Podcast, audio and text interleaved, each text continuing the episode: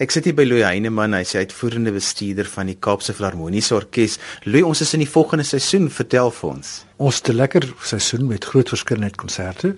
Ons het reeds afgeskop en in die eerskomende week het ons homage aan Sibelius wat 150 jaar gelede gebore is en ons het sy drie bekendste werke gekies.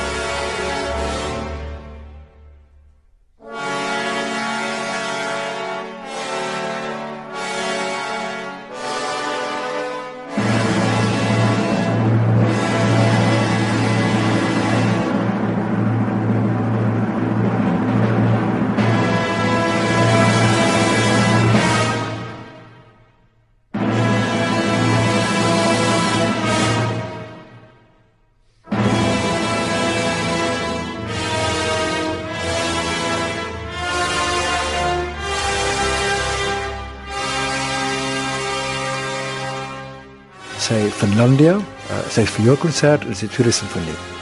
En daar's iets broeiend en donker, maar ook interessant aan Sibelius. So ek sien baie uit daarna in die violis is uh, Maria uh, Solosabova, 'n uh, Russiese violis wat fantasties is. So ek sien baie uit na die Sibelius. En Perry So is jong Hong Kongs gebore dirigent uh, wat verlede week aan die Kaap begin het by ons. Uh, hy was al van tevore hier en dit is ongelooflik om die energieke klein Chinese op die verhoog te sien. Hy kry regtig die beste uit die orkes uit.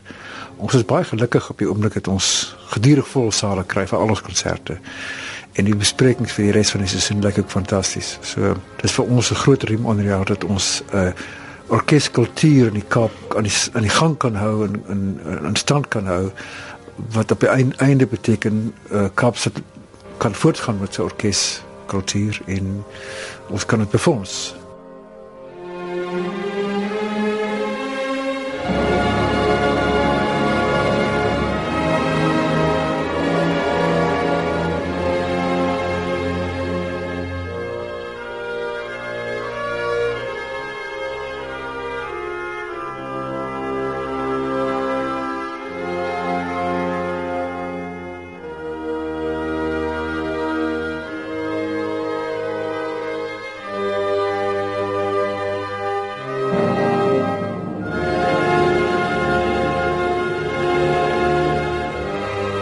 Volgende week is daar weer 'n interessante program. Uh, Bernard Keder is terug op die verhoog en Natalia Lavrova uh, speel Sostakovich se eerste klavierkonsert.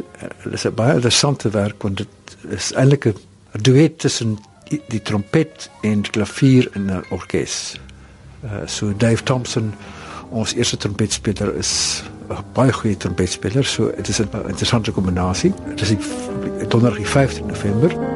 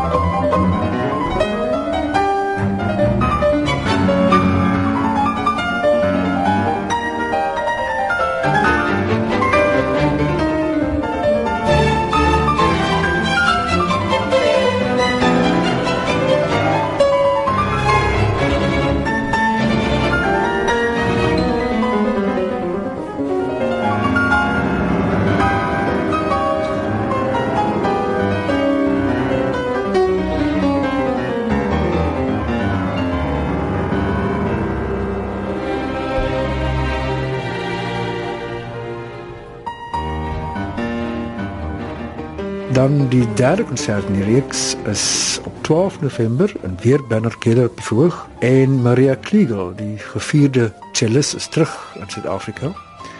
En uh, sy speel twee werke, Broeg se Kol die Draai en uh, ook Blog se Shalomo Rhapsody. En saam met dit is Beethoven se 7de simfonie. Ehm um, ook die wat interessant is by die 12 November se konsert is dat ehm um, Brandon Phillips die ons nie aangestelde uh, direkteur van van die uh, Kaapse Filharmoniese Jeugorkes uh, gaan 'n voorprogram optree en wys wat die jong spelers al reeds vermag het oor die afgelope paar jaar. Die laaste konsert is eintlik 'n fondsinsamelingskonsert wat vir ons deur ons gehou word maar aangebied word deur die vriende van die orkes.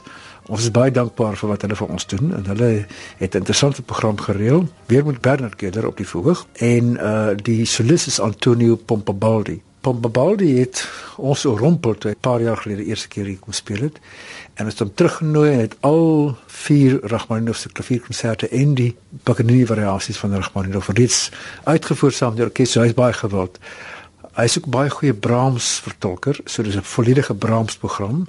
Uh, Brahms se tweede simfonie en ook uh, die tweede klavierkonsert wat 'n groot reusagtige werk is.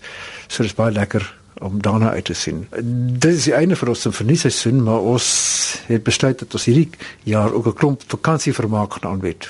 Ons het onder andere 'n konsert op 16 Desember in Gansbaai en by Grootbos, 'n uitreikingskonsert, 'n gemeenskapskonsert. Ons moet 'n bietjie in die platland beweeg en mense wat nooit naby die stad kom nie ook laat agterkom hoe wonderlik dit is om 'n konsert deur 'n simfonieorkes te hoor en moontlik kan ons van daai kinders beïnvloed want nou, ons is reeds besig in die Oeverberg uh uitreikingsprogramme te doen. Ons het onlangs 'n klein groepie uh, van ons Koperplaas spelers het daar gaan optree.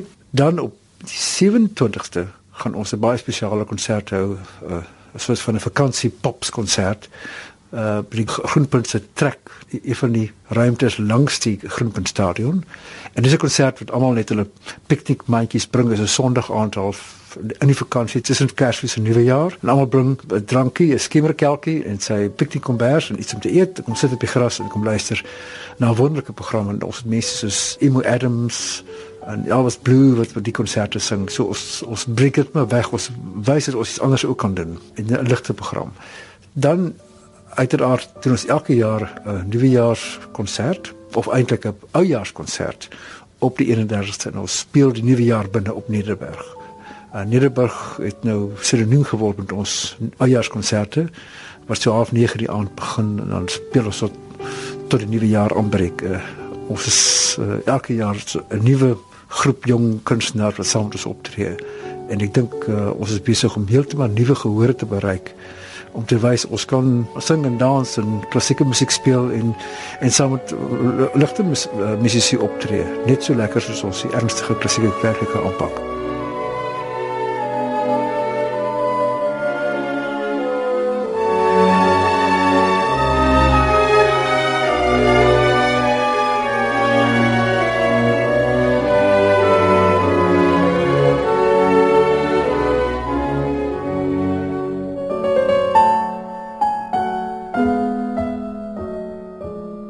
Dan is daar ook 'n herdenkingskonsert vir Hubertie Rupert. Vertel vir ons daarvan, dis op die 4de Desember. Elke jaar doen ons 'n herdenkingskonsert vir Wile mevrou Rupert, wat so baie vir die kunste gedoen het oor baie baie jare.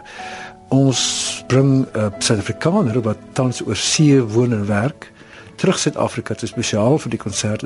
Ons kies 'n solis, met ander woorde 'n Suid-Afrikaner wat oor see is of nog studeer of reeds 'n professionele loopbaan maak. Hierdie jaar het ons uh, vir Amil Busakovic gekies.